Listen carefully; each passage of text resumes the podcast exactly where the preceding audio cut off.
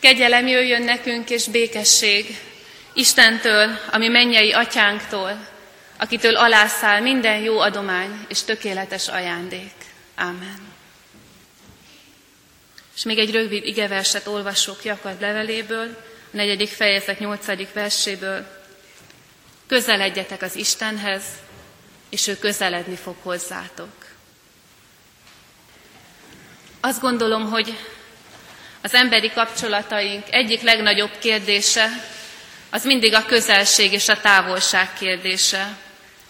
Hogy minden kapcsolatunkban újra meg újra meg kell találni, és csúnyán mondom, be kell állítani azt a fizikai és lelki közelséget, ami, ami mind a kettőnek, vagy ha egy családról beszélünk, akkor ami minden, mindenkinek jó, vagy elfogadható.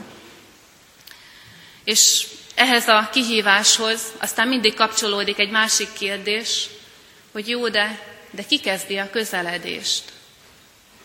Ketten vagyunk, ha távolodunk, vagy ha itt lenne az ideje közelebb kerülni egymáshoz, ki kezdi a közeledést?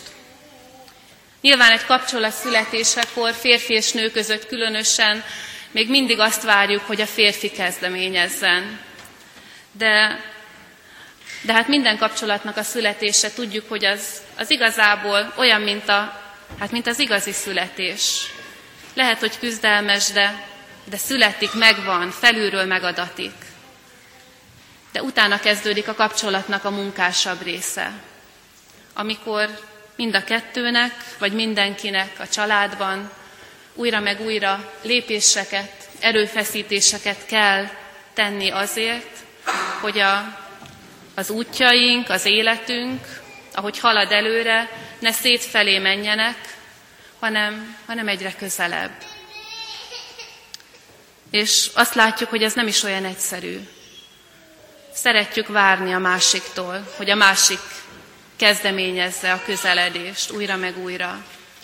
És azt is látjuk, hogy azért sem egyszerű, hogy az is bizonyítja, hogy nem egyszerű, mert nagyon sok válláskor a szétváló félek, felek nem mondanak különösebb okot, nagy egetrengető dolgokat, ami miatt fölbontják a megkötött kapcsolatot, hanem azt mondják, hogy eltávolodtunk egymástól. És így is van, hogy hogyha nem közeledünk tudatosan, ha nem dolgozunk, küzdünk meg a közeledésért, akkor ahogy mennek az évek, ahogy folyik az élet, változunk mindannyian, könnyebben szétfele megyünk, mint egy, egyfelé.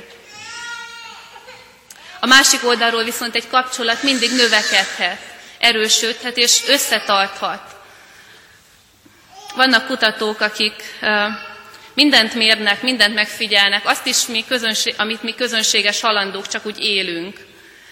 Pszichológusok megkülönböztetik azt, vagy megfigyelték azt, hogy ha megszületik az első gyermek, és ugye, ha jól tudom, itt a négy keresztelendő gyermekből hárman első gyermek, akkor, akkor általában csökken a házastársak elégedettsége a házassággal mert hogy kevesebb idő jut egymásra, kevesebb energia jut egymásra. De, de nő az összetartozás érzése. Sokkal jobban nő az összetartozás érzése, mint bármi mással. Viszont a feladat ezek után is megmarad, megküzdeni, megdolgozni azért, hogy két-három, hogy sok év múlva ez a kapcsolat, ami ami kezdődött párkapcsolatként, és lett családi kapcsolat, az, az egyre szorosabb, egyre biztosabb és egyre bensőségesebb legyen.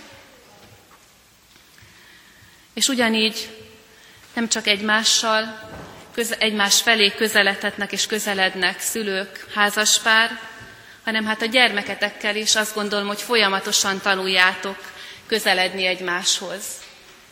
Nyilván első ránézésre azt mondhatjuk, hogy ja, hát az anyukának nem kell tanulni a közelséget, mert főleg az első évben, mintha, mintha csak közelség lenne. Folyamatos testi, fizikai, lelki közelség. De nyilván ti is tanuljátok, és tanulni fogjátok, hogy egy év múlva mit jelent az, hogy közel vagyunk egymáshoz a gyermekemmel, öt év múlva mit fog jelenteni, mit fog jelenteni, ha majd kamasz lesz, hogy én és a lányom vagy a fiam közel állunk egymáshoz, ezt mindig tanulni kell. Ez mindig a munkás rész.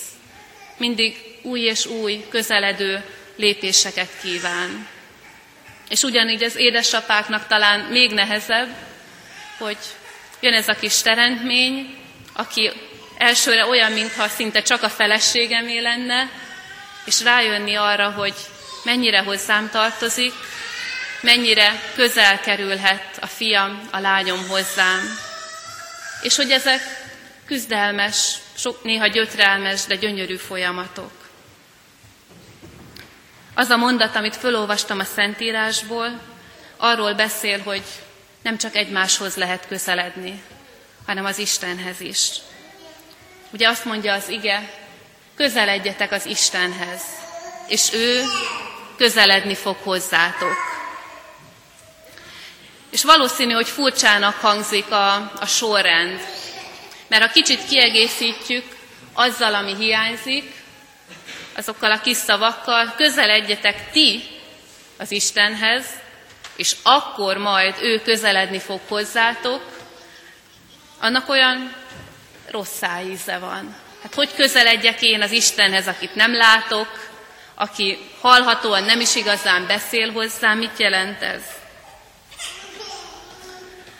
De a történetünk Istennel, ezeknek a pici gyerekeknek is, nektek is és nekünk is, sosem ott kezdődik, hogy az Isten várja, hogy közeledjünk hozzá.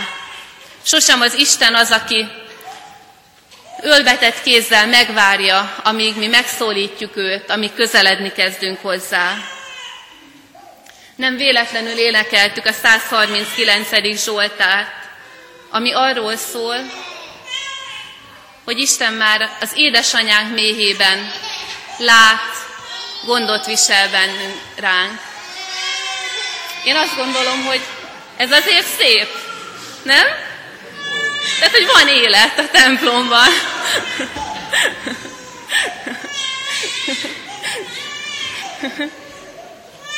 És azért, ha belegondolunk, hogy néha nekünk milyen hosszú egy Isten tisztelet, nekik milyen hosszú lehet, úgyhogy hát majd csak kibírják a saját keresztelőjüket. De jó is, hogy ezt halljuk, mert, mert talán ez az élmény, hogy itt vannak ezek a pici gyerekek a templomban, és sírnak, és mi azt gondoljuk, hogy ez zavaró, akkor talán változtathat a képünkön az Istenen, aki, aki nem azt mondja, hogy az én szent templomomnak a csendjét megzavarják ezek a gyermeki sivalkodások, hanem Isten azt mondja valahol a Szentírásban, hogy gyermekek és csecsemők szája dicsér engem. Hogy a történet, a történetet mindig Isten kezdi. Ó, megvan a megoldás. A történetet mindig Isten kezdi. Ő az, aki már akkor ismerte a gyermekeiteket, amikor ti még nem is tudtátok, hogy megfogant. Már akkor tudta, hogy mit szeretne velük és belőlük. Hogy Isten, mi ugye csodaként élünk meg egy-egy, egy-egy fotót, vagy 3D-s, vagy nem tudom már hány képet a pici magzatról. Isten folyamatosan szemmel tartja, látja. Azt írja a Zsoltár, hogy Alaktalan testemet már látták, Uram, szemeid. A könyvedben minden meg volt írva, a napok is, amelyeket nekem szántál. Isten kezdet kezdetétől nagyon közel volt a gyermekeitekhez, de nem csak az gyermekeitekhez, hozzátok is, hozzám is. A megfoganásunk Isten előtt nem volt titok, hanem akart dolog volt. És ez a közelség, hogy az Isten közel van, ez azóta is megvan. Isten minden pillanatban felettünk tartja a kezét, óv, emel, és azt gondolom, hogy még az is, aki azt mondja talán, hogy én nem ismerem az Isten, nem is igazán hiszek benne, tud olyan pillanatot, élményt mondani az életéből, amikor, az, amikor nem tud mást mondani, csak hogy itt az Isten tartott meg engem. Isten kezdeményezi a kapcsolatot. De, de úgy van az, hogy bár Isten mindig mindenhol jelen van, mindig közel van hozzánk, de meg kell szólítanunk. Válaszolnunk kell, közelednünk kell, ahogy a kapcsolatainkban is, ha nem akarjuk, hogy egyoldalúvá váljon, közeledni kell. És tulajdonképpen, kedves szülők, keresztszülők, ezt tettétek, amikor elhoztátok ezeket a pici gyermekeket ide, léptetek egyet az Isten felé. De megint hadd mondjam, hogy ezt is megelőzte Isten. Az, hogy egyáltalán megkeresztelhetjük a gyermekeket, az megint annak a kézzel fogható jele, hogy, hogy Isten előbb közeledett a gyermeketekhez. Mert a keresztség az arról beszél, hogy Isten annak idején a saját fiát küldte el, és ugyanilyen pici gyermekként hagyta, hogy megszülessen, hogy végigéljen egy életet, hogy végigéljen egy olyan küzdelmes és szép életet, amit Isten nekünk szán, és hogy legyőzze a halált, ne csak maga számára, hanem a számunkra is. A keresztség erről szól, hogy az Isten elküldte a fiát, hogy életet, bűnbocsánatot, gyógyulást adjon, ígérjen. És tudjuk, hogy szükségük lesz rá. Szükségük lesz majd bűnbocsánatra, ahogy nekünk is szükségünk van, gyógyulásra, az Isten megtartó szeretetére. Isten lépett, közeledett, és ti válaszoltatok, és igazából ennyit kér az Isten, hogy azt az egy-egy lépést, amit meg tudtok tenni felé, azt tegyétek meg. És ez a következő lépés lehet az, hogy itt maradtok ebben a gyülekezetben. Hogy ha idegen is ez a forma, ha idegen is a palást, a nagy tér, de elkezditek hallgatni az Isten igéjét. Elkezdetek megismerkedni emberekkel, akik igyekszünk megosztani az élményeinket hitről, Istenről, életről, halálról, és bekapcsolódtok a magatok élményeivel ebbe a beszélgetésbe. És ha így döntötök, hogy ezt a lépést vállaljátok, akkor hozzátok a gyermekeiteket is. Ahogy elviszitek őket mindenhova, ahova nem jutnának el. Sétálni, orvoshoz, védőnőhöz, mert még nem jutnak el. Az Istenhez is akkor tudnak ezek a picik eljutni, ha ti viszitek hozzá őket. Éppen ezért, ha közeledtek az Istenhez, hozzátok magatokkal a gyermekeiteket is. És végül csak még egy kitekintés, hogy ez az üzenet nem csak a keresztelő családoknak szól. Legalább ennyire szól nekünk is, akik akár nap mint nap itt vagyunk a templomban. Jakab apostol, aki ezt a mondatot írta, hogy közeledjetek az Istenhez, és ő közeledni fog, ezt nem egy missziós ige hirdetésben mondta, hanem egy élő, de megfáradó gyülekezetnek. És akkor hadd kérdezzek meg mindenkit, hogy akarod, hogy szorosabb legyen a kapcsolatod az Istennel? Akkor legyél találékony. Akkor, ahogy a szeretetben szükség van arra, hogy találékonyak legyünk, hogy új és új módjait találjuk meg annak, hogy közelebb kerüljünk a másikhoz, úgy legyetek találékonyak az Isten felé, hogy hogyan kerülhettek hozzá közelebb. Sose szántál még oda egy egész délelőttöt, vagy egy egész napot imádságra. Ott tedd meg.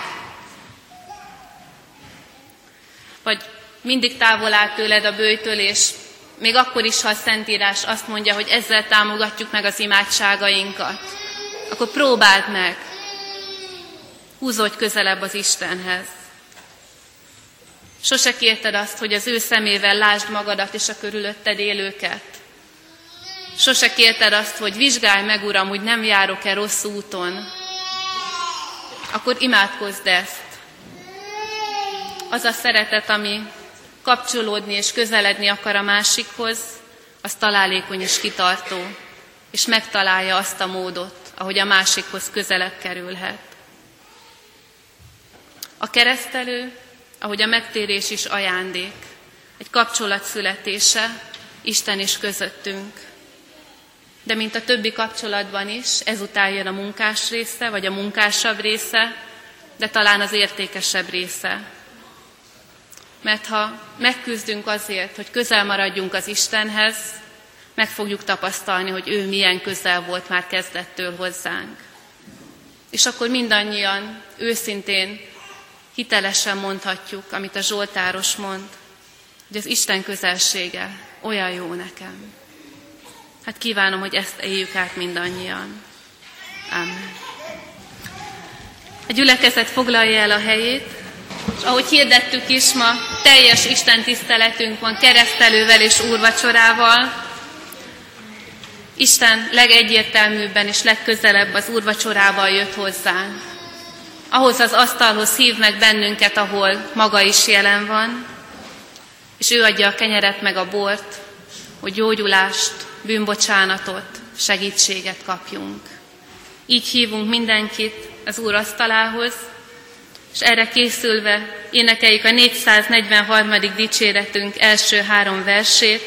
Így kezdődik, lelkem, adj dolgot magadnak, hirdessed édes uradnak jó voltát és felségét.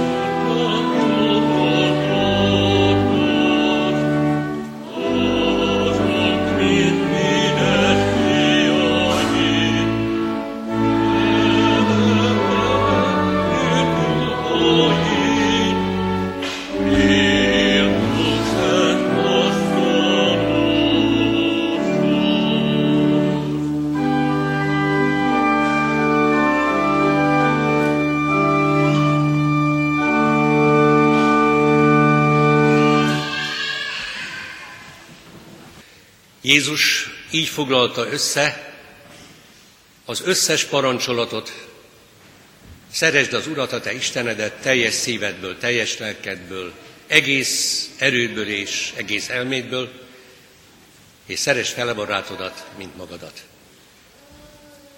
Most imádkozzunk azért, hogy ennek a parancsolatnak megfelelően élhessük tovább életünket. Istenünk, édesatyán, köszönjük neked, hogy te mindenféle módon értésünkre akarod adni a te bennünket is kiválasztó szeretetedet. Köszönjük neked, hogy te előbb szerettél bennünket, és most is ennek a jelét kaphattuk. Szeretnénk most megköszönni neked azokat a napokat, azokat az órákat, azokat a perceket, amikor sikerül a te akaratodnak megfelelően gondolnunk a te gondolataidat, tennünk azt, amit te parancsolsz, szólnunk azt, amit te szólsz. És kérjük a te bocsánatodat mindazért, amikor ez nem így van. És arra kérünk, hogy növelj bennünket a hitben, reménységben és szeretetben. Urunk, áld meg életünket. Imádkozunk azért, hogy ami szomjazó földjeinket te áztasd meg az éltető esővel, nem a mi érdemünk szerint, hanem kegyelmedből. Imádkozunk a távol lévőkért, imádkozunk a gyermekekért, akik most részesültek a keresztség sákramentumában, szüleikért, keresztszüleikért, hazánkért, imádkozunk az ének szavaival, adj békességet, Úristen, a mi időnkben a Földön. Imádkozunk kormányunkért, parlamentünkért, azokért az országokért, ahol most is dörögnek a fegyverek, ártatlanok halnak meg, békesség Istene, addig is, amíg eljön a Te országod Jézus Krisztusban, könyörülj rajtunk. Hallgass meg imánkat, Atya, Fiú, Szentlélek, teljes szent háromság, egy örök igaz Isten. Amen. Testvéreim, Isten igénvel hirdetem nektek az adakozás szolgálatát. Gondoljatok arra, amit az egyik apostol igében olvasunk, hogy a jókedvű adakozót szereti és áldja meg az Isten, ezért kiki, aki, amit eltökélte szívében, úgy adakozzék, ne szomorúságból vagy kénytelenségből. És most hallgassuk Isten áldását, Istennek népe, áldjon meg téged az Úr, és őrizzen meg téged, világosítsa meg az Úr az ő arcát te rajtad, és könyörüljön rajtad, fordítsa az Úr az ő arcát tereád, és hagyjon te néked békességet. Amen. Most a záró énekünket énekeljük el. Ez az énekünk a 442-es számú énekünk, a Ne szállj perbe, én velem kezdeti dicséretünk dallamára megy, nem végig, a hatodik, hetedik, nyolcadik és kilencedik, tehát utolsó versét énekeljük. A hatodik vers így kezdődik, Jézus, a te véred szent, légyen szívünk bűntől ment.